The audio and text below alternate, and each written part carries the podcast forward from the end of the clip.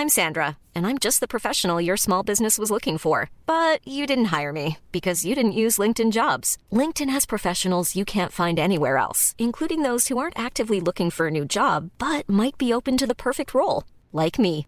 In a given month, over 70% of LinkedIn users don't visit other leading job sites. So if you're not looking on LinkedIn, you'll miss out on great candidates like Sandra. Start hiring professionals like a professional. Post your free job on linkedin.com/people today. When you're ready to pop the question, the last thing you want to do is second guess the ring. At Bluenile.com, you can design a one of a kind ring with the ease and convenience of shopping online. Choose your diamond and setting. When you find the one, you'll get it delivered right to your door. Go to Bluenile.com and use promo code LISTEN to get $50 off your purchase of $500 or more. That's code LISTEN at Bluenile.com for $50 off your purchase. Bluenile.com code LISTEN. Hi, I'm Daniel, founder of Pretty Litter. Did you know cats tend to hide symptoms of sickness and pain? I learned this the hard way after losing my cat, Gingy. So I created Pretty Litter, a health monitoring litter that helps detect early signs of illness by changing colors, saving you money and potentially your cat's life.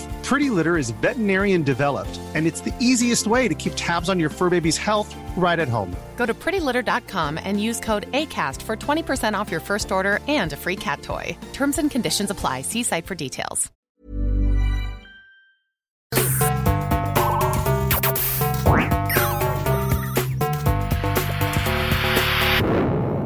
Velkommen til Sinnsyn. Jeg heter Sondre Risom Livre, er psykolog, og dette er Webpsykologens podkast.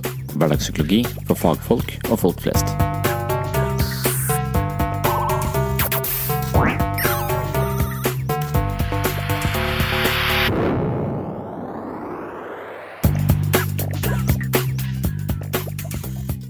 Mange har fått en brå erfaring med hjemmekontor siden mars 2020.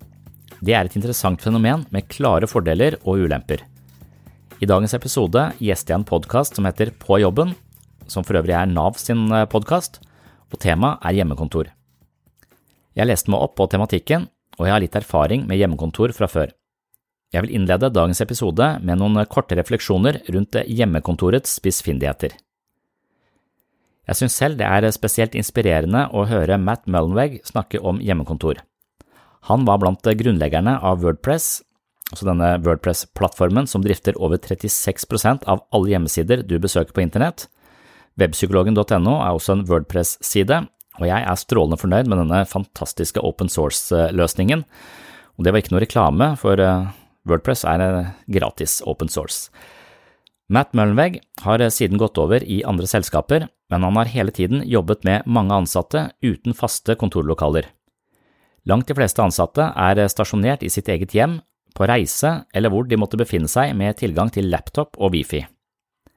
Matt har altså lang erfaring med bedrifter som baserer seg på ansatte med hjemmekontor, og han snakker i denne forbindelse om fem faser i hjemmekontorets utviklingspsykologi. Det vil si at man ser at bedrifter som etablerer en praksis med hjemmekontor, ofte går fra en litt prematur variant til en mer moden og effektiv form for arbeid hjemmefra. Disse stadiene er interessante, og jeg vil innlede med en kort beskrivelse av hvert nivå. Matt Mullenweg problematiserer den tradisjonelle stasjonære bedriften med kontorlokaler. Han sier at de fleste av oss er ganske nøye når vi velger hvem vi skal bo sammen med på hjemmebane.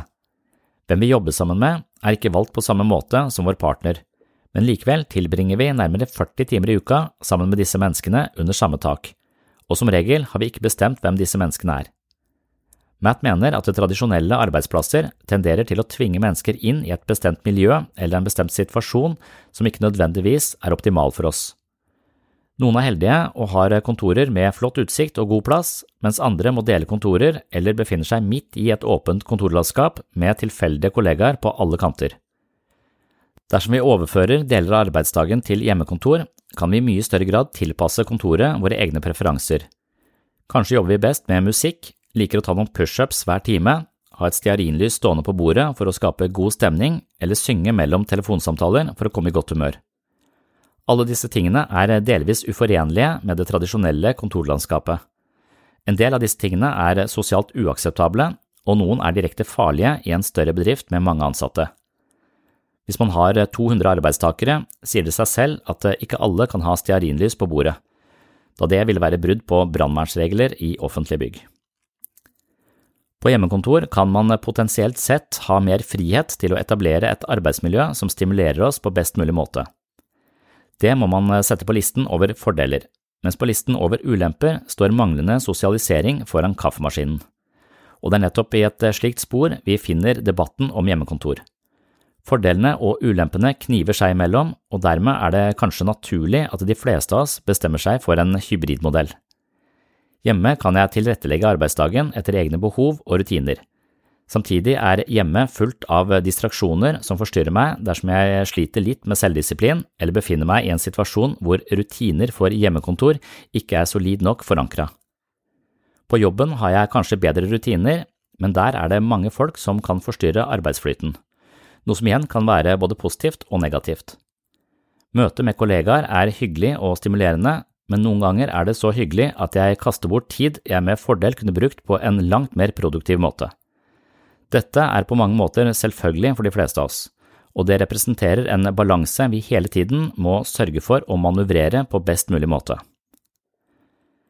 Men la meg kort gå gjennom nivåene i hjemmekontorets utviklingspsykologi, for jeg spiller av samtalen jeg hadde med Cato Lorentz i podkasten som heter På jobben.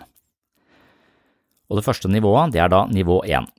Det første nivået er der de fleste befinner seg som ikke egentlig var innstilt på hjemmekontor, men ble kastet ut i det på grunn av smittevern og covid-19-problematikken. Her forsøker vi å gjøre det mest nødvendige, vi tar noen telefoner og svarer på noen mail for å holde hjula i gang, men vi etablerer ikke noen faste rutiner fordi vi venter på å komme tilbake til kontoret. På nivå to, altså på det andre nivået, er vi i ferd med å se en del fordeler med hjemmekontor.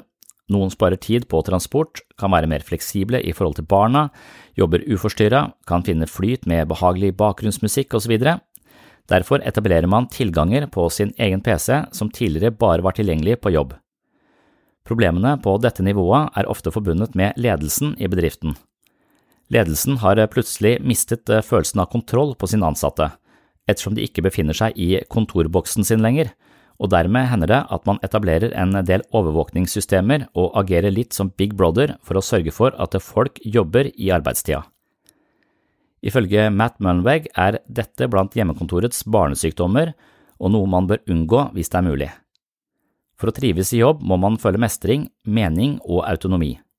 Hvis man blir overstyrt og kontrollert, går det kraftig ut over følelsen av mening og ikke minst opplevelsen av selvstendighet og ansvar. Hvis det jeg gjør skal oppleves meningsfullt, bør det komme fra mitt eget initiativ. Hvis alle mine oppgaver er noe jeg slavisk utfører fordi de er pålagt, står følelsen av mening i fare.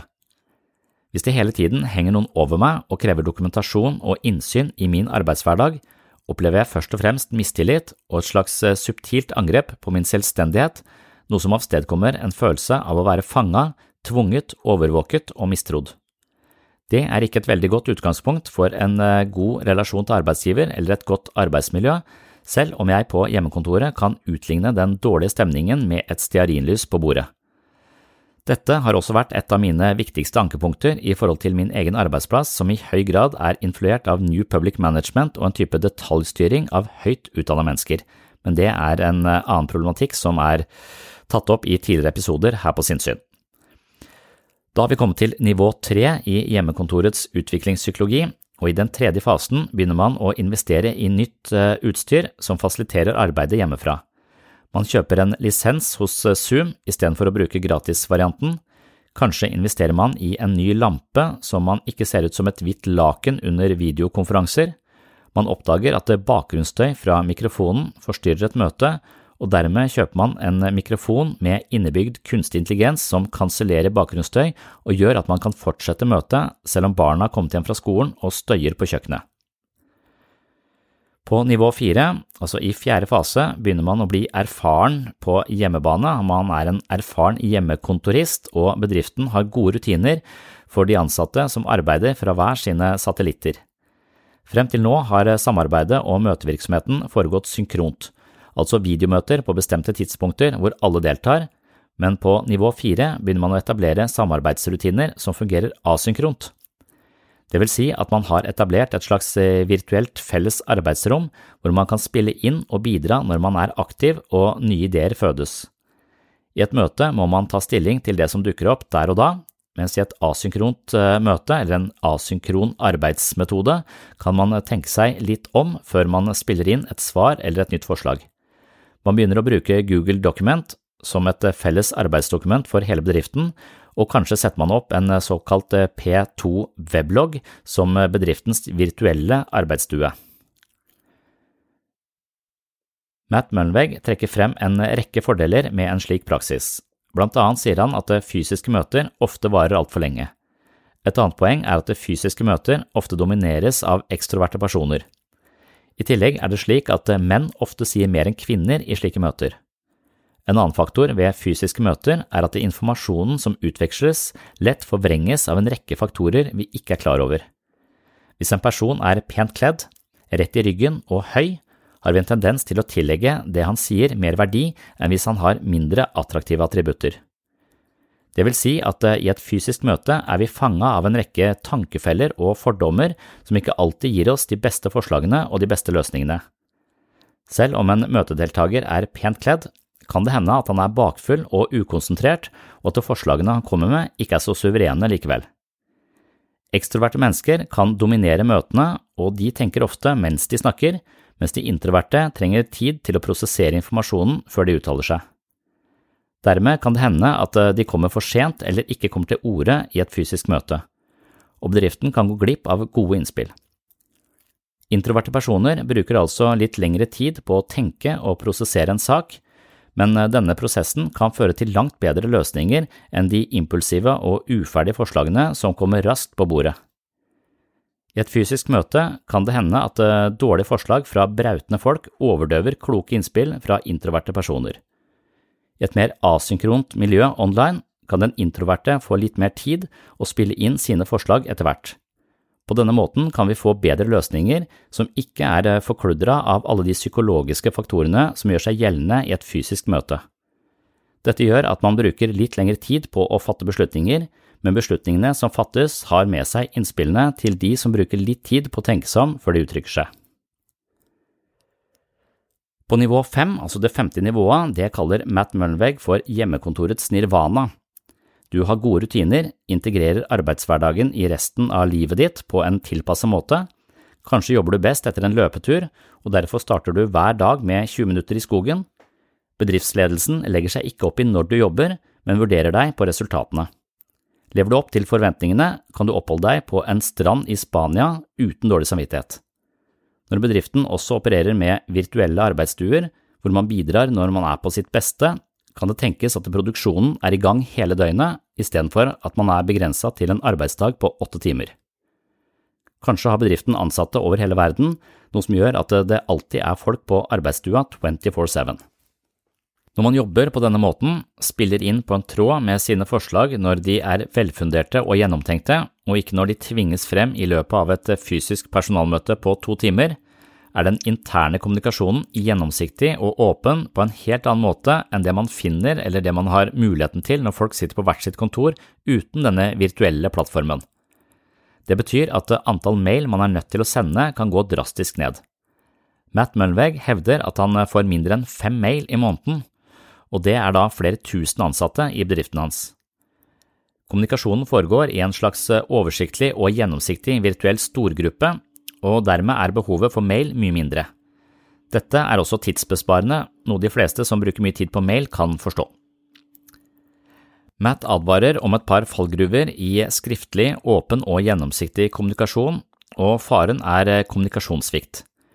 Noen vil påstå at opp mot 80–90% av all kommunikasjon er nonverbal, og når alle de nonverbale signalene er skåret vekk, risikerer man misforståelser som fører til misstemning.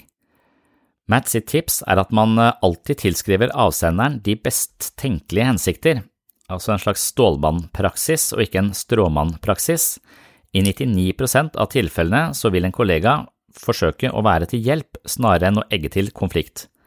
Hvis man likevel ser at kommunikasjonen blir mer og mer preget av antagonisme, bør man umiddelbart skifte medium, og da gjerne til telefon. Det er lettere for folk på hjemmekontor å snakke i telefonen enn det er å rigge seg opp til en videokonferanse. Ved å ringe til vedkommende kan man raskt avklare eventuelle misforståelser og få relasjonen og prosessen tilbake på rett kurs.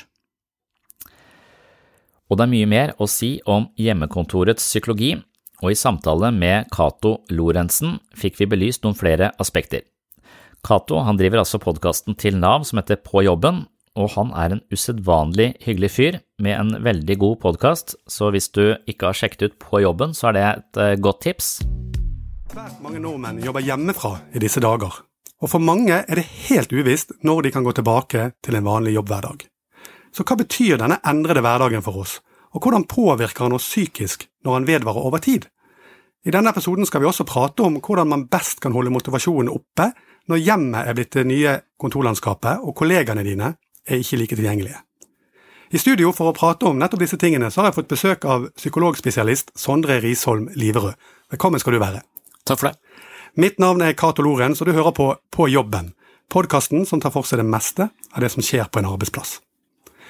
Ja, velkommen, velkommen eh, Sondre. Eh, hyggelig å ha deg her. Takk, takk. Jeg, jeg, sier her vi skal prate om hjemmekontor, og, og, og, det er en ny hverdag for veldig mange. Eh, det, det vet vi, det vet alle. Det har pågått en stund, den krisen vi står i, og, og, hjemmekontor for veldig mange er blitt det vanlige. Vi sitter hjemme og gjør jobben vår over digitale løsninger. Regner med også det gjelder deg, vil jeg tro? Jeg er på kontoret, altså. Halve dagen. Halve dagen, ja. Mm. ja. Men for mange så, så sitter de hjemme hele dagen. Og jeg lurer på om du kan eh, si noe om hvorfor det, kan, det å ha hjemmekontor kan være så utfordrende for, for, så mange mennesker? Ja, og det er eh, et stort spørsmål som vi kanskje skal snakke mye om i denne neste halvtimen. Men først og fremst er dette et veldig spesielt hjemmekontor de fleste har. For problemet med jeg, jeg, går på kontoret, og så har jeg pasienter over eh, Pexip, som det heter i Sørlandet sykehus, altså en sånn type Eh, ja, nettbasert løsning som sykehuset bruker, og da driver jeg gruppeterapi på nett, rett og slett. Så det har vært en ny eh, utfordring. Eh, der er taushetsplikt såpass sketchy at jeg kan ikke være hjemme, for plutselig så dukker sønnen min opp eller dattera mi opp og spør om et eller annet i i spørsmål om eh, norsk, så, det, så, så, derfor så har jeg vært på, på kontoret. Men, eh, men, det hjemmekontoret folk sitter på nå, det er jo ofte fullt av eh, forstyrrelser og folk, så det er et helt spesielt hjemmekontor. Så det er den første utfordringen folk står i. Men nå så har jo barna da, de yngste har begynt på skolen, så det har jo i hvert fall letta trykket litt hjemme hos oss. Så nå er jeg lengre dager på jobb, for min eldste datter hun klarer seg bedre sjøl på sitt hjemmekontor, da, og kanskje blir eh, mindre forstyrra av oss når vi ikke er der hele tiden. Men, men jeg tror eh, overganger generelt sett eh, handler om å etablere nye rutiner. og de, de rutinene jeg, jeg, tror at vaner betyr mer enn det mennesket er klar over. Og jeg tror at vanene våre er noe som normalt sett bare det er noe vi snubler inn i, nærmest. Eh, og det er noe vi adopterer fra folk vi ser rundt oss, og det er ikke nødvendigvis de beste vanene vi da tillegger oss. Så det å hacke seg sjøl litt, og, og, finne ut av hvordan skaper jeg en mest mulig kanskje effektiv og meningsfull hverdag eh, under de omstendighetene jeg nå er i, eh, det er noe jeg tror man bør jobbe med egentlig hele tiden men nå blir vi bare kasta ut i det litt brått, da. Ja, så, og, det, og det, det, tenker jeg. For det, det, kom veldig brått på dette. Vi skulle forholde oss til en ny hverdag eh, eh og, og, jobbe hjemmefra. Det var vel nesten for mange over natten, eh, holdt jeg på å si. Og eh, det at vi får en sånn bratt læringskurve, det, det går vel faser, da. Hva vi på en måte i første fase, hvordan vi på en måte tilpasser oss det, og så hvordan vi på en måte etter hvert eh, lever med det. Er vi kommet litt videre nå? Har vi lært det på en såpass god måte at nå takler vi det bedre enn før? Tror du? Ja, det kan nok hende at vi, vi kommer inn i det. Men uh, jeg, jeg, hadde hjemmekontor uh, selv for noen år siden i den forstand at jeg skulle skrive en bok. Uh, og da tok jeg fri en dag i uka for å være hjemme, og jeg tenkte å, det er fantastisk, man kan gjøre akkurat det jeg elsker, bare skrive. Og så står jeg på morgenen, og så Vi snakket om det innledningsvis, men, men du var ikke så opptatt av å nødvendigvis eh, dusje og kle på deg. Du, du kunne gå rundt i joggebuksa, sa du. Eh, jeg måtte nok eh, innse at det var, å, det var når jeg begynte å bryte de vanlige rutinene at arbeidstempoet mitt sank, og det å være på hjemmebane forstyrret meg på ganske mange nivåer. Akkurat som jeg tror Facebook forstyrrer meg på mange nivåer. Det er noe vi har putta i lomma nå, som er en sånn, sånn, evig forstyrrelse. Men det å være hjemme i tillegg, det skapte også noen ekstra utfordringer der, sånn i forhold til at jeg bare gjør det, så bare rydde litt her. Så, så, så, jeg fungerte egentlig ganske dårlig i starten, fordi jeg ikke klarte å etablere nye, gode rutiner. Men så, så kom jeg til å tenke på at alle mine beste ideer de kommer på torsdag klokka halv to. Og det er ikke tilfeldig, for torsdag klokka halv ett så går jeg på trening med pasienter. Og da trener vi igjen eh, i tre kvarter, og så går jeg og dusjer. Det er i den dusjen etter trening at jeg er på mitt absolutt mest kreative, og det er da alle ideene kommer inn i hodet mitt, men så har jeg ikke tid da til å skrive det ned. Så, så jeg begynte da morgenen med å kle på meg, eh, og så få barna dit de skulle, og så jogga jeg 20 minutter i skogen, for så å dusje, og så sette meg ned. Og det var noe jeg gjorde fast, selv om jeg da våkna ja, men nå har jeg masse ideer, nå kan jeg gå rett på, så bare gjorde jeg det fordi disse rutinene, denne rammen rundt det, var viktig for meg. Og Det å skape en ny ramme, det tror jeg er kjempe, kjempeutfordrende. Ja, så, eh, ja og det, det, det, er kjempespennende. Jeg vil dvele litt med det. fordi ja, Nå, nå avslørte du overfor mine sjefer at jeg går rundt i treningsbuksen når jeg har videomøter. men Det får jeg bare leve med. Men, men, du snakker om å lage seg rutiner. altså Kanskje skape et skille mellom det som er jobb og det som er hjem. Eh, ja. Viktig for de, for de, aller fleste, kanskje. da. Eh, sånn som du opplever mennesker, og sånn som du treffer mennesker i ditt virke som psykolog. Ja, jeg tror at vi, vi underspiller hvor viktig vaner er. Og vi tror at det å gå til en psykolog Du får en sånn åpenbaring, og så forandrer det seg. Men det er egentlig altså, livskvaliteten vår er summen av alle våre gode vaner. Eh, og da vil det å pusse tenner hver dag være en vesentlig del av det. Og det der er ganske sånn eh, det er, det er, jeg vet ikke om jeg klarer å formidle det på en sånn måte at det, at det går inn, for det er nettopp det mine mange av mine pasienter sliter med. Og det som er eh, paradokset her, er at uvaner er så lett å opparbeide seg. For uvaner har, karakteristiske, har de karakteristiske trekkene ved at de, de, ofte gir deg en umiddelbar behovstilfredsstillelse, og så får du problemer på lang sikt. Så det å ta en røyk med kollegaen bak hjørnet, selv om det ikke er lov uh, i sykehuset uh, Jeg røyker ikke, men jeg ser folk gjør det, står og skjuler seg. og det, og det er jo bedre å røyke i smug enn det er å røyke Så, så det å gå ut der liksom, Du får en umiddelbar det, det, er sosialt, det er hyggelig, og, det, og du får en umiddelbar gevinst, men så får du lungekreft på lang sikt. Uh, mens gode vaner de fungerer motsatt. De gir deg ofte et eller annet, en eller annen smerte eller en eller annen Du utsetter et behov for å vinne et eller annet på lang sikt. Og sånn Evolusjonært så er vi nok koda for å på en måte nå disse raske Vi skal komme oss unna eller komme oss i skjul eller få spist den maten før den eh, forderver eller noen andre tar det.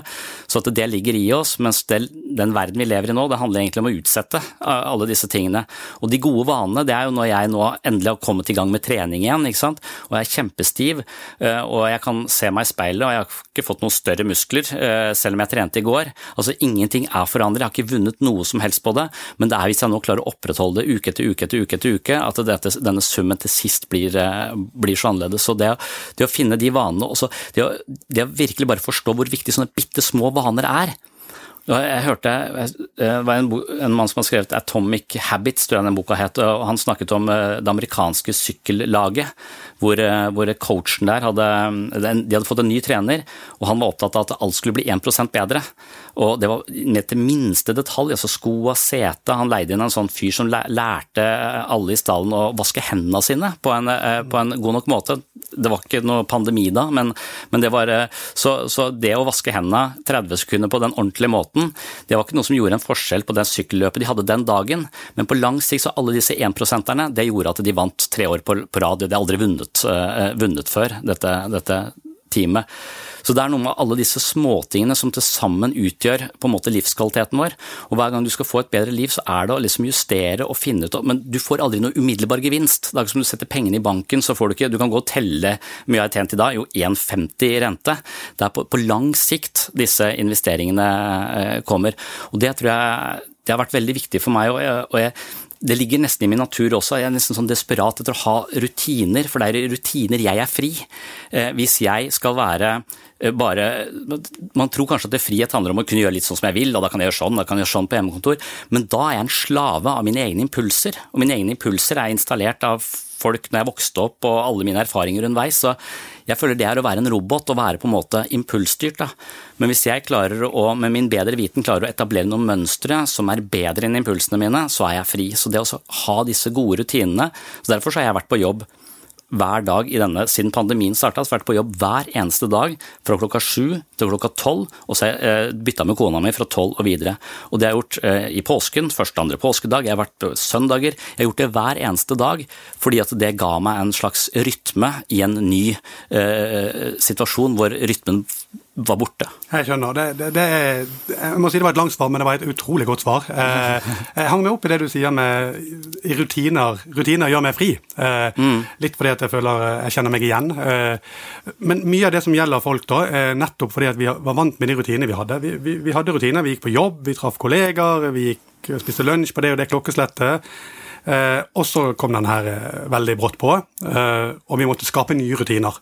Er det det vi nå har gjort en periode? da, Skapt disse nye rutinene, og, og med at vi faktisk mestrer og lykkes med å skape nye rutiner, så, så, har vi det egentlig bedre med hjemmekontor enn det vi hadde når det, det traff først. Ja, jeg syns han Matt Møllenvegg, som var som i sin tid var med å stifte Wordpress, som er dette enorme uh, nettplattformen som 36% av alt som er på nett, bruker. Uh, han, uh, han, har jo vært et firma med 11 000 ansatte, og ingen har hatt noe kontor, men de har altså jobba og Han snakker om fem nivåer av hjemmekontor, hvor det er det sånn, veldig sånn premature nivåer av hjemmekontor, og så etter hvert så kan det utvikles til å bli en utrolig fin måte å jobbe på. Der er det masse forskjellige elementer på hvert nivå. Da. Men det første nivået er jo det nivået hvor du bare Eh, plutselig må være hjemme, og så, og så, gjør du det du kan, sånn ad hoc. Du tar noen telefoner, du holder hjula i gang, men du er liksom i påvente av å komme tilbake på kontoret. Eh, og det kan nok hende at folk eh, setter seg litt fast der, sånn at de ser på den situasjonen som en slags venteværelse, hvor de bare skal holde ut til de kan komme tilbake i, i vanlig, i vanlig gjenge. Og Det kan hende at vi kommer tilbake i vanlig gjenge, men det kan jo også hende at hvis vi våger å utvikle, disse, utvikle, oss litt oppover i disse nivåene. At vi kan faktisk bruke en del av fordelene ved hjemmekontor. For jeg mener det er mange fordeler, jeg mener det er veldig mange, mange utfordringer. Så det kan godt være at vi, vi tilpasser oss, at vi får noen, eh, får noen nye, nye, måter å jobbe på. Eh, du snakker om det er en del utfordringer. La, la oss dvele litt med de da. La oss henge, prate litt om de. Hva, kan, hva, hva er de største utfordringene eh, for mennesker med å ha hjemmekontor over tid. Hvordan kan det på en måte utfordre oss negativt? Um, man snakker mye om sosial isolasjon, ensomhet. Er dette ting vi rett og slett bør være obs på og frykte litt? Kan bli en konsekvens?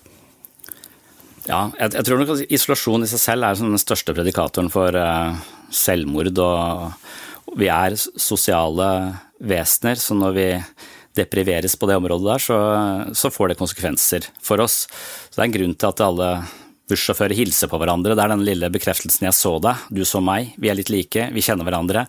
Og det gjør noe. Altså, på lista over de tingene som gjør mennesker lykkelige, eh, så er gode relasjoner på toppen. Men litt på sånn tredjeplass så kommer en ting jeg er ganske dårlig på, det er småprating. Så det er sånn der jeg sier hei og hå og ja, åssen går det bare med dama på butikken, eller, eh, eller en eller annen tilfeldig forbipasserende, eller kanskje kollegaer på nabokontoret, eller eh, eller de som merkantil, eller ikke sant. Du, du har sånne små passiarer. Og når du gjør de, så føler jeg meg ofte litt bedre, litt gladere etterpå. Selv om jeg har en slags motstand, eller altså, kanskje jeg føler at jeg er dårlig på smalltalk, da, så jeg er litt redd for å gjøre det. Så jeg, jeg vegrer meg for å gå inn i de. Og så ser jeg plutselig forskning viser at det ligger på tredjeplass på det å ha et godt liv, så jeg skjønner at det er, det er viktig. Så jeg tror disse små, uh, små, elementene er veldig viktige for mennesker. Så jeg tror ikke vi, vi kan trives uh, i isolasjon over veldig, over veldig, lang tid. Men så, så, kan vi også få et substitutt av å møtes på, på sånn digitale, digitale måter. og det, det kan hjelpe hjelpe, eh, hjelpe litt. Så Utfordringene er helt klart på sånn psykologisk nivå, men så tror jeg også utfordringen ligger hos ledelsen eh, til en viss grad i mange bedrifter. Og, ja, ja, og, det, og det, det, det, her er, det er bra du kommer inn på, for det har jeg lyst til å spørre deg om. Eh, den situasjonen vi er i med at vi ja, Du snakker om at kanskje tekniske løsninger, videomøter, kan være en substitutt for relasjonene som ligger for øverst på den listen du snakker om, og også den småpraten som er så viktig, som vi mister når ikke vi er på kontoret.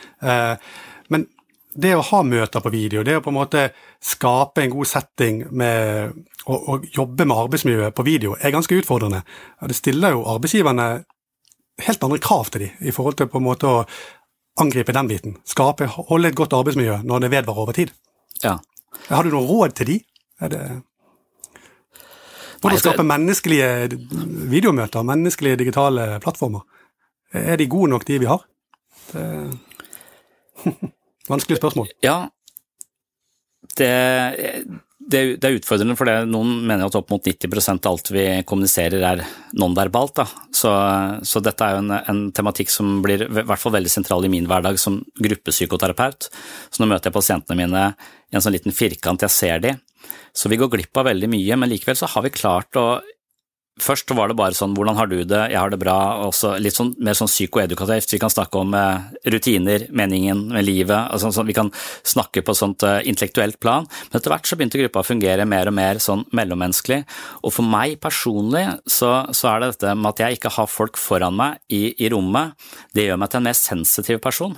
Så jeg blir en litt bedre variant av meg selv fordi at jeg er litt for brå eh, med, med mennesker direkte, for når jeg ser det og har kontroll på det, så, så, så er jeg det å ha med mennesker å gjøre handler jo om å kunne være åpen og ærlig og utfordrende, men også omsorgsfull, respektfull og støttende. Så en terapeut er alltid det bevegelsesrommet der sånn, og det er egentlig alle, alle, mennesker, da. Så jeg blir en vennligere variant når jeg er på, på, nett. Jeg tror i skriftlig form så er det litt lett å ryke uklar, så da tror jeg faktisk emojier og, og sånne ting faktisk har en, har en, verdi, da. Jeg tror man skal også alltid tenke på at den avsenderen, i 99% av tilfellene så vil den kommunikasjonen være godt ment, eh, men så er det veldig lett å, å feiltolke det. Så det er veldig mange ting som kan oppstå i disse mediene som vi bør være ekstra eh, påpasselige på. Og det at du ikke ser eh, mennesker, altså du kan se bare på hvor raskt en person går, hvordan vedkommende har det. Eh, og du merker at da går du langsommere. Ditt tempo, selv om det er sånn helt subtilt, så får du en følelse på, på, det. Så du får ikke den der tette oppfølgingen eh, der sånn. Men så er det en annen type oppfølging. Da.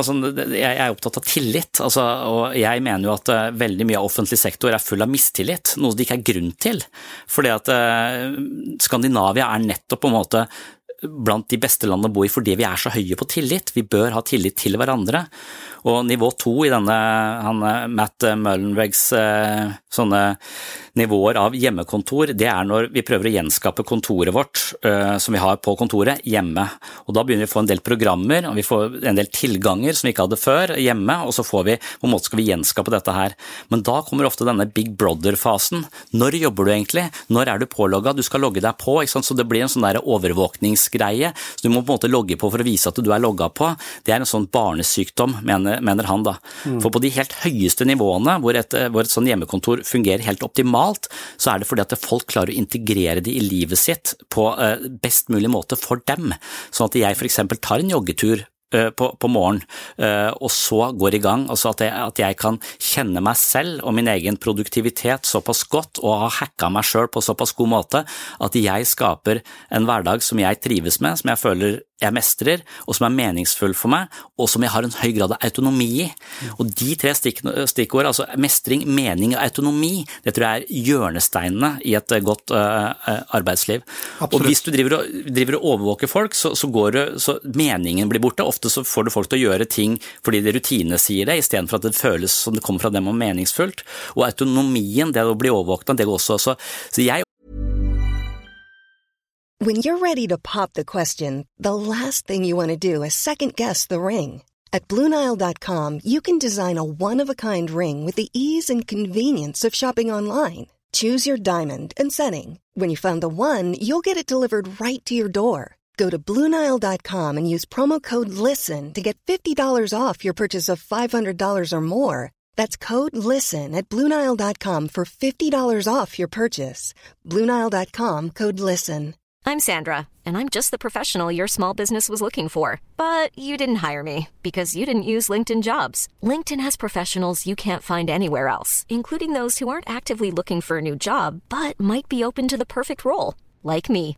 In a given month, over 70% of LinkedIn users don't visit other leading job sites. So if you're not looking on LinkedIn, you'll miss out on great candidates like Sandra. Start hiring professionals like a professional. Post your free job on linkedin.com/people today.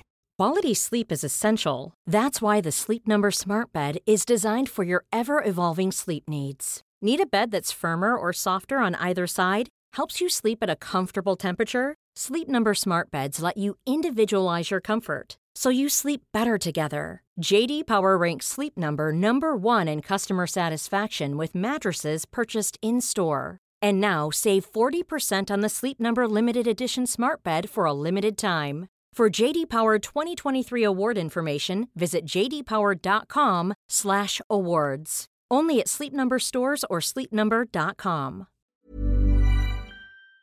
opplever vel at for eksempel sykehuset også er et system som hele tiden pålegger meg ting, noe som reduserer følelsen av mening og følelsen av autonomi, og, og det tror jeg er en, en, type New Public Management, mistillit, som er, ødelegger en del arbeidsplasser.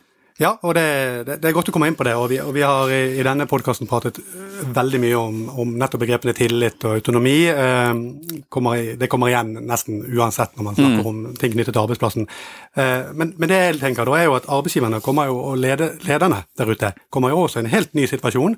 Eh, som må skape seg nye rutiner, som må lære seg nye måter å på en måte lede på. som bryter med kanskje det mange er vant til. og det kan vel være sånn at også når, når, dette på en måte er over og vi kommer tilbake, så har de jo gått gjennom noen runder som har lært de hvordan på en måte vise større grad av tillit. Eh, gi medarbeiderne mer, eh, vise de mer autonomi, holdt jeg på å si, eller la de på en måte ikke måle de på den tradisjonelle måten. Kan vi komme ut i en sånn situasjon der vi faktisk får noe positivt ut av det med tanke på det de lærer i den prosessen vi er i nå? Det kan, godt, det kan, godt, hende, for uh... Eller er det litt naivt av meg å tro? Nei, jeg tror man kan håpe, uh, håpe på det i mange sammenhenger. For, det, for på sett og vis så, så, mister jo ledelsen litt kontroll ikke sant? når folk er, eh, er, hjemme. Og hvis vi da ser at folk likevel klarer å, å være den tilliten verdig, så, så, kan det være at det behovet for å kontrollere eh, avtar litt. Eh, når, Eller er det kanskje knyttet til ledernes personlighet, og, og det dermed stikker for dypt, og vi er jeg, same business når vi kommer tilbake? Jeg opplever ikke nødvendigvis at alltid er knyttet til ledernes personlighet. Jeg føler som det ligger sånn innbakt i et system, mm. et hierarkisk system mer. At, det er mer systemproblem enn det er et personlig problem. Med, eh, ofte. Kanskje begge deler. Ja, men, men på den annen side, så, så, når vi snakker om fordelene ved det, så, så han, uh, Matt Møllenberg han snakker veldig mye om disse, disse fordelene ved når, når, vi sitter For det første så tror jeg møtene våre er for lange veldig ofte. Uh, og, og dermed så For et møte er jo ofte hvis det er satt av en time, så varer det en time. På et eller annet magisk måte så varer det akkurat så lenge som det er satt av. Og, og jeg tror nok, jeg opplever at møter på, på nett kan ofte vare litt kortere. Eh, og det tror jeg kanskje er en god ting. Jeg tror at det meningsløst, ting som ikke nødvendigvis er produktivt, men som er relasjonsbindende i møtet foran vannkjøleren, er ekstremt viktig. Så det tror jeg vi går glipp av, det tror jeg er eh, noe som vi er nødt til å gjenerobre. Men jeg tror at eh, langdryge møter, de, de, tror jeg vi med fordel kan kappe inn på. Og jeg tror at man vil føle det bedre og større grad av mening hvis man er i et møte som føles produktivt, og ikke bare sløser masse tid. Så der tror jeg det er masse masse å hente. Og så tror jeg også møter hvor man ikke ser andre mennesker, eh, har en del fordeler, også møter som ikke nødvendigvis er helt synkrone, men at man, eh, man, eh, har et møte, og så spiller man inn, og så ofte så skriver man et referat underveis og sier nei, ikke helt det. sånn at folk som for eksempel Det viser seg at i møter så snakker menn mer enn kvinner. Ekstroverte snakker mer enn introverte. Du har denne Mount Stupid-greia, hvor de som kanskje vet minst, ofte snakker høyest. Eh, så i et fysisk møte så vil du være fanget av veldig masse av disse mellommenneskelige dynamikkene, personlige dynamikkene, som gjør at vi ofte bare får høre fra de folka som vi egentlig ikke trenger å høre fra, mens de introverte, som kanskje bruker litt mer tid, de kan ofte komme på bane på, på, sånne, eh, på sånne, plattformer hvor man, ikke, eh, hvor man har, kanskje har litt bedre tid, kan sitte for seg selv og tenke litt, og så spille de inn, kanskje bare ved, ved tastaturet i i, kommentarfeltene på siden av møtet osv. Så, videre, så at det, du får kanskje høre fra de, fra de folka som vi normalt sett ikke får høre så, så mye fra. Og Det viser seg f.eks. en studie som viser at det, hvis en person i dress og slips går over et fotgjengerfelt på rødt, så er det større sjanse for at folk følger etter, enn hvis det er en folk som går i joggebukse. Eh, eh, så, så, bare det, altså at, eh, at, vi ikke ser hvordan folk For her, vi leser så mye inn i folk, bare, hvordan de ser ut, hva de har på seg osv. Når vi tar vekk de, så kan det være at vi kommer mer til saken og at vi får, eh, vi får eh, jobba mer direkte med saken, og ikke alle disse mellommenneskelige biasene eller fordommene eh, forhindrer så mye. Så det er nok en del fordeler i en del møter, vil jeg tro. Ja, og det, det, det, det må vi ta med oss. Og så tenker jeg hoppe litt tilbake til, til igjen de, de, de, mer sånn negative konsekvensene og utfordringene. for det, Vi må bruke litt tid på å snakke om det. Vi snakker om det, Du sa litt om det å være, hva det betyr å være isolert sosialt, med tanke på hva som faktisk vi mennesker føler lykke ved. Mm. Relasjoner, småprat. Uh, Men en ting du er litt opptatt av, det er jo også ensomhet. Og jeg leste, det var vel en artikkel, litt usikker på hva kilder de brukte, men, men jeg har sett flere steder at noen undersøkelser viser at ja, opp mot 50 kjenner på ensomhet ved bruk av hjemmekontor. Og jeg tenker når det vedvarer over tid, så er jo kanskje det større sjanse for at vi kommer innom den type følelse. Og det er vel kanskje ikke en, en god følelse å, å, bade i og være i, er det det? Du eh, kjenner godt til det. Så. Ja, Nei, det, er, det, er, så mange måter å, å, være ensom på, så dette er den, det som vi tenker på som en sånn fravær av, eh, av, andre, av, andre, mennesker. Så jeg tror nok det er en sånn veldig eh, sentral del av eh, altså, motivasjonen vår for å gjøre noe, altså det handler om mestring, handler om mening, alle de tingene, men det handler også om følelse av tilhørighet i en flokk, og flokken min. Så, så ofte så gjør vi en ekstra innsats ikke fordi at eh, vi får en bonus, men fordi at vi bidrar til flokken vår, og at det er det Så, så folk er nok mer opptatt av at det er meningsfullt, og mening skapes i fellesskap. Altså det å så det, det å kle på seg på morgenen hvis det ikke er noe vits i å kle på seg, eh, det, eller det å lage middag hvis det ikke er noen andre som skal spise, det er bare du. Det er veldig vanskelig å, skape mening i isolasjon. Så jeg tror nok veldig mye av det som eh, En god arbeidsplass, så har folk en følelse av å tilhøre en flokk, og at de bidrar inn i den flokken, er det som er meningsskapende. Og hvis du føler at den, det båndet begynner å svinne litt hen, så tror jeg du lett føler deg utenfor, og da tror jeg lett det kan føle deg litt maktesløs, kanskje ikke gidde. Så det kommer en sånn litt sånn destruktiv spiral der sånn. Så det er nok viktig også å ha disse møtepunktene, likevel gi folk en følelse følelse av tilhørighet, da, eh, og at de da er, eh, er eventuelt kobla på et sånt videomøte, eller at vi, at vi kan eh, litt raskt være være i dialog. Mm. Ja, og jeg tenker, mm. jeg tenker, det er jo kjempebra. Og, og vi, har, som vi har snakket om, substituttene kan være videomøter eller eventuelt andre digitale plattformer som fungerer. Mm. Men, det, men, det, er en substitutt, og ikke fullverdig original, vil jeg tro. Ikke ennå, i hvert fall. Så hva, hva kan det er en del arbeidstakere, vanlige ansatte som sitter og hører på denne podkasten. Hva kan de gjøre når de begynner å kjenne på et uh, snev av denne ensomheten, eller at det faktisk preger de litt negativt? da? Uh, fordi det vedvarer. Fordi kanskje videomøtene ikke var gode nok, eller er gode nok akkurat nå. Hva, hva kan de gjøre? Er det, er det, det å skrike ut, snakke med arbeidsgiver? Er det, hva faresignaler bør de være obs på? Nei, jeg tror ofte man vil føle seg ja, sånn tap av mening, altså at man føler litt mindre energi, litt mindre glød. Eh, og jeg tror ikke det er noe, noe annet du kan gjøre enn å da uh, ta kontakt, men da et videomøte, hvis det blir veldig sånn Det er nok der den der vannkjølergreia er viktig, for at jeg, jeg, jeg, føler meg veldig heldig på jobb. så Jeg føler at det er familie nummer to. på en måte. Det er mennesker som står meg ekstremt nær. Jeg liker å vite åssen de har det og osv. Eh, og, og, da også om hvordan det går med barna deres. Eh, ikke bare hva de tenkte om det forrige gruppemøtet i psykoterapi. Så, så den, den, typen eh, småsnakking kan også være viktig. Så, så, jeg tror man kan være hvis, hvis man da Det er viktig å det hjelper å snakke om det, sier hun. Det er jo fordi at alt som bare blir værende og kverne i ditt eget hode som du ikke kan spare med noen om, det, det blir ofte eh, bremseklosser på, det, på, å komme seg videre. Så det å lufte eh, både frustrasjoner og sånn underveis, og gjøre det på en sånn kort måte, så at, den, så at avstanden Og da kan du ta opp telefonen, du kan gjøre det verbalt over, over telefon, og noen ganger nesten lettere. Og spesielt hvis du, hvis du f.eks. bare på hjemmekontor kommuniserer skriftlig, så tror jeg det er en, eh, tror jeg en vanskelig ting ting. Jeg tror of, lett oppstår misforståelser, og jeg tror det da ofte, hvis det oppstår misforståelser, er lurt å ta en telefon uh, og avklare det med, med stemmebruk. Så du hører tonefall, og du hører høflighet, og jeg hører deg, og det var ikke meningen. Det at jeg satte det utropstegnet, betydde ikke at jeg var forbanna, det betydde bare at jeg syntes det var viktig.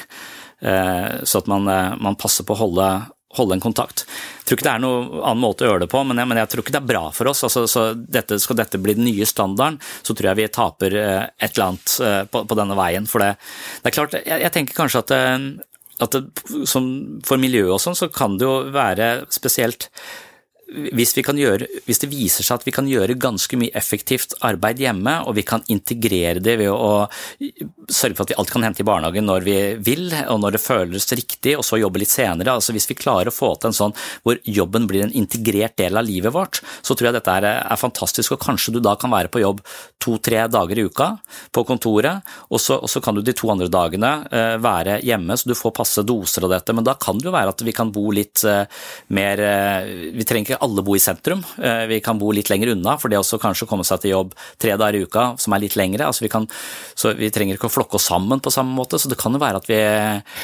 at, at dette kan gjøre positive ting for, for, for, mange, men vi kan aldri komme unna av at, at, det at vi ser hverandre, vi ser at du nikker når jeg prater så jeg vet at jeg har forstått alle de tingene der sånn, tror jeg ikke vi kan foreløpig gjenskape på noe sånn god eller fullverdig måte. Nei, og la oss håpe vi, vi kommer i hvert fall tilbake til, til ja, litt av den normalen vi er vant til. Jeg tenker eh, du, du, jobber mye i ditt virke med mennesker som har eh, psykiske lidelser, lettere psykiske lidelser, angst, depresjon. Litt spent på, for det er jo veldig mange av de som er i arbeidslivet, og, og, det arbeidet er rett og slett den perfekte medisinen for dem. De må òg jobbe hjemme. De må òg bli vant til denne nye hverdagen.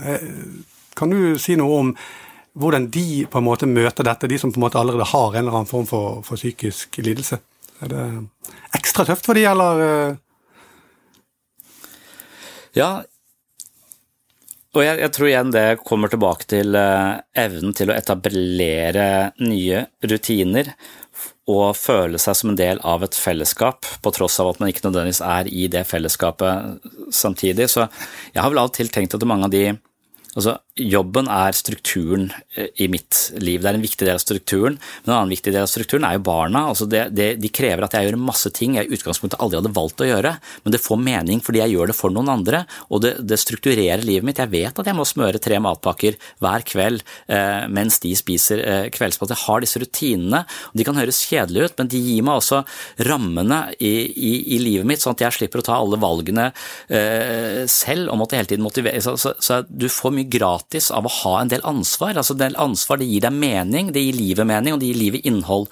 Og de som sliter psykisk, har ofte et litt eh, mindre nettverk. De føler seg litt mindre som del av grupper, og når de da på en måte kanskje blir satt litt ut av gruppa pga. den situasjonen her, så er det lettere at de, de henfaller til å sove litt lenger, eh, kanskje ikke gjøre det altså at Istedenfor å tenke at nå er mye tid, nå kan jeg legge om nå kan jeg finne nye muligheter, så blir det ofte det blir litt sånn eh, De ofte går mye rastløst rundt uten å få gjort noe. Eh, det er litt sånn som eh, hvordan skaper man mening i en meningsløs tilværelse? Det er, det er, vi har lest mens vi venter på Godot av Samuel Beckett i gruppa vår, den ene gruppa.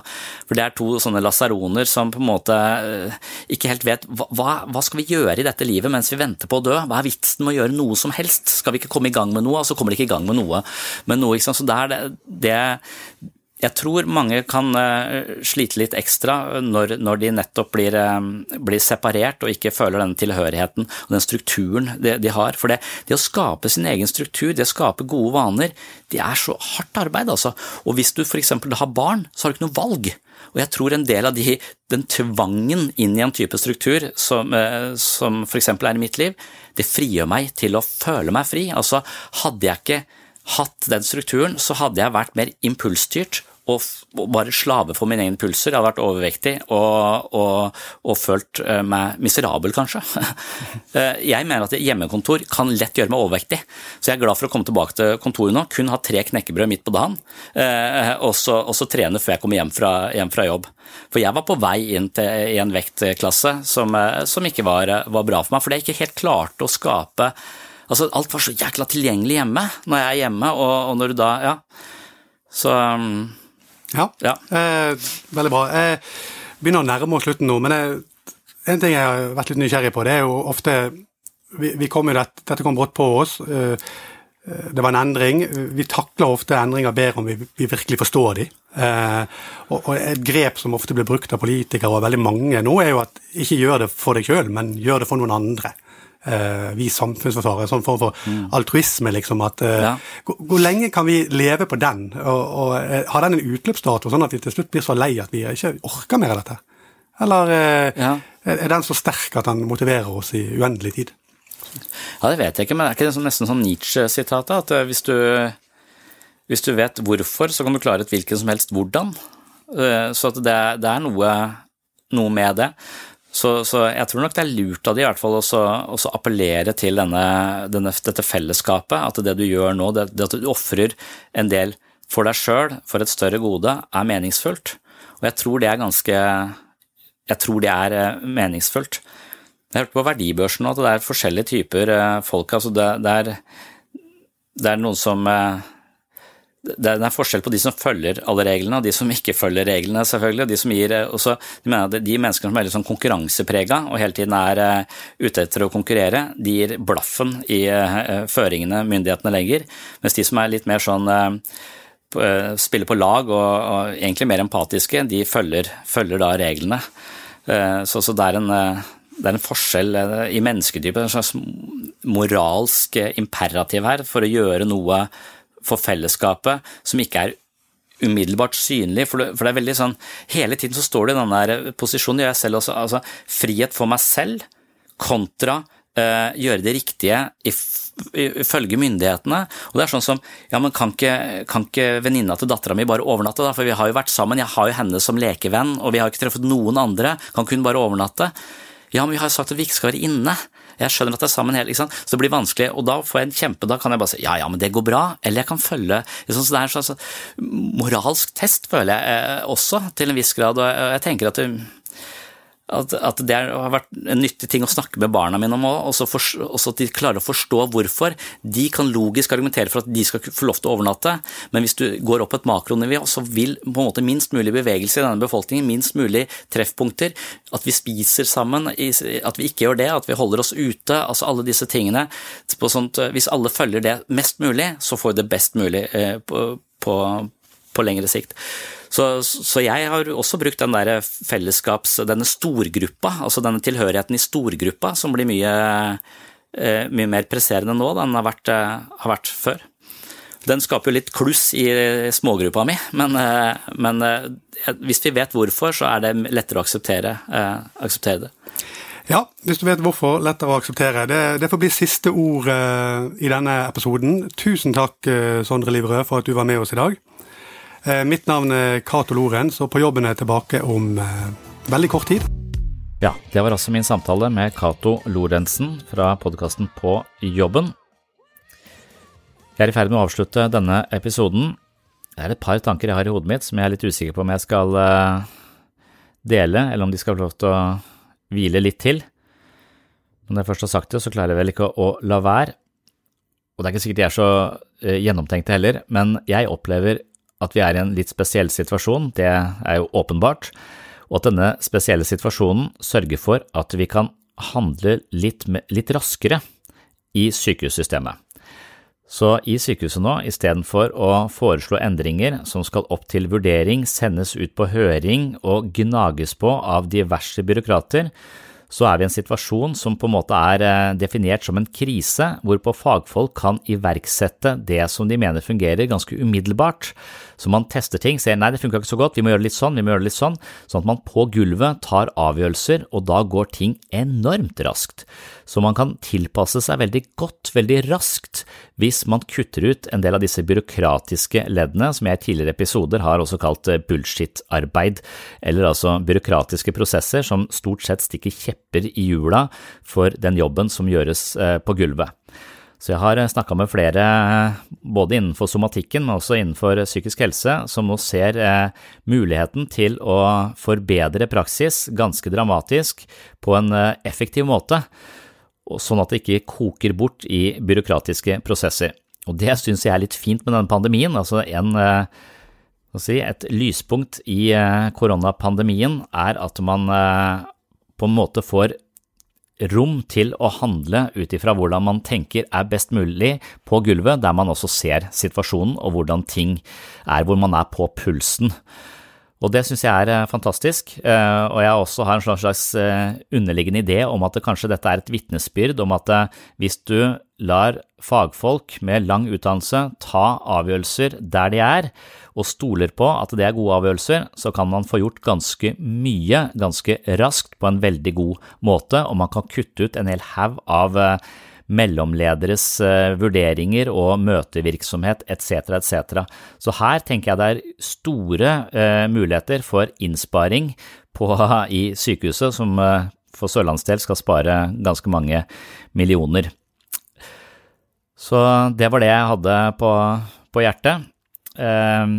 Det har jo vært en av mine kjepphester, at man skal stole på fagfolk. Man skal ha tillit til at folk gjør eh, eh, jobben sin. Og selvfølgelig så er det noen som ikke gjør jobben sin, og handler på måter som ikke er så kloke.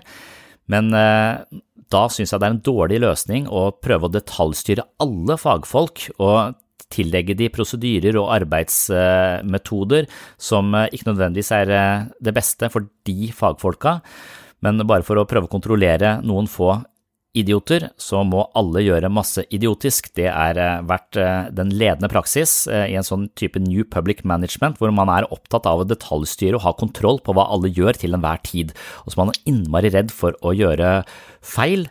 Og jeg tenker at vi må ha litt rom for feil, for hvis vi skal prøve å kontrollere for alle feil, så går alle rundt og fokuserer på å ikke gjøre feil istedenfor å gjøre jobben sin. Og sånn synes jeg det har vært ganske lenge, og jeg ser at covid-19 det slipper opp litt på dette byråkratiske jernteppet som eh, hindrer en del av effektiviteten i sykehuset. Så det er jeg glad for. Det var eh, en ranting, som det kalles, eh, som ikke var spesielt gjennomtenkt, og det er jo mitt, mitt privilegie. Jeg trenger ikke å tenke så veldig nøye gjennom alt jeg sier, selv om jeg kanskje burde ha gjort det, men da hadde det tatt for lang tid å lage denne podkasten, så det må av og til skje litt mer spontant. Er du mer interessert i menneskets indre liv og selvutvikling, så håper jeg selvfølgelig at du klikker deg inn på webpsykolog.no og kjøper bøkene mine. Eventuelt kan du klikke deg inn på min Patron-konto og bli supporter av sinnssyn. På den måten støtter du dette prosjektet, og som takk for støtten får du en del ekstramateriale. Du får flere eksklusive episoder av sinnssyn, videomateriell som ikke blir publisert andre steder, og du kan høre meg lese og gjennomgå min første bok, Selvfølelsens psykologi, bedre selvfølelse ved å bruke hodet litt annerledes. Ved hjelp av en rekke psykologiske teorier forsøker jeg å lage et slags eh, treningsprogram hvor man eh, gjør øvelser som styrker selvbildet, selvfølelsen og mentale muskler. Jeg kaller også denne Patron-kontoen for Sinnsyns mentale helsestudio. Så hvis du ønsker å støtte podkasten, som er både tidkrevende og ganske kostnadskrevende, så kan du også bli eh, Patron-supporter og dele en velvalgt sum i måneden, og til gjengjeld så får du medlemskap på mitt mentale helsestudio og ganske mye ekstra materiale. Er du blant de som finner verdi her på sinnssyn, og, eh, og er litt over middels interessert i psykologi og filosofi, så er medlemskap i Sinnsyns mentale helsestudio kanskje noe for deg. Håper dermed å se deg som Patron-supporter. Du finner medlemskapet på www.patron.com for slash sinnssyn. Det var altså www.patreon.com for slash sinnssyn. Du finner også linken i shownotes. En annen måte å støtte podkasten på er å kjøpe merchandise fra sinnssyn. dette er helt nytt og litt teit.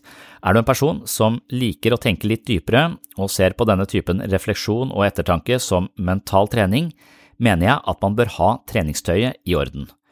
På et nettsted som heter Teespring har jeg min egen butikk hvor du kan få kjøpt Sinnsyns kolleksjon av mentalt treningstøy. Kolleksjonen heter Alt du tenker og føler er feil, og hvis du skjønner hva det slagordet forsøker å formidle, må du nesten ha en skjorte som reflekterer denne innsikten.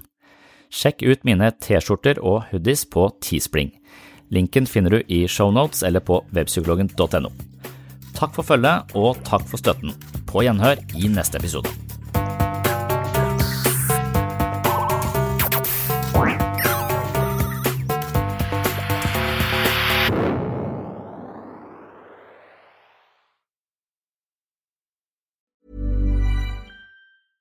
A lot can happen in the next three years. Like a chatbot may be your new best friend. But what won't change? Needing health insurance. United Healthcare Tri Term Medical Plans are available for these changing times Underwritten by Golden Rule Insurance Company, they offer budget-friendly, flexible coverage for people who are in between jobs or missed open enrollment. The plans last nearly three years in some states, with access to a nationwide network of doctors and hospitals. So for whatever tomorrow brings, United Healthcare Tri-Term Medical Plans may be for you. Learn more at uh1.com. Mom deserves the best, and there's no better place to shop for Mother's Day than Whole Foods Market. They're your destination for unbeatable savings, from premium gifts to show-stopping flowers and irresistible desserts. Start by saving 33% with Prime on all body care and candles. Then get a 15-stem bunch of tulips for just $9.99 each with Prime. Round out Mom's menu with festive rosé, irresistible berry chantilly cake, and more special treats. Come celebrate Mother's Day at Whole Foods Market. Hey, it's Paige DeSorbo from Giggly Squad. High quality fashion without the price tag. Say hello to Quince. I'm snagging high-end essentials like cozy cashmere sweaters, sleek leather jackets, fine jewelry, and so much more. With Quince being 50 to 80% less than similar brands. And they partner with factories that prioritize safe, ethical, and responsible manufacturing. I love that. Luxury quality within reach. Go to quince.com slash style to get free shipping and 365 day returns on your next order. Quince.com slash style.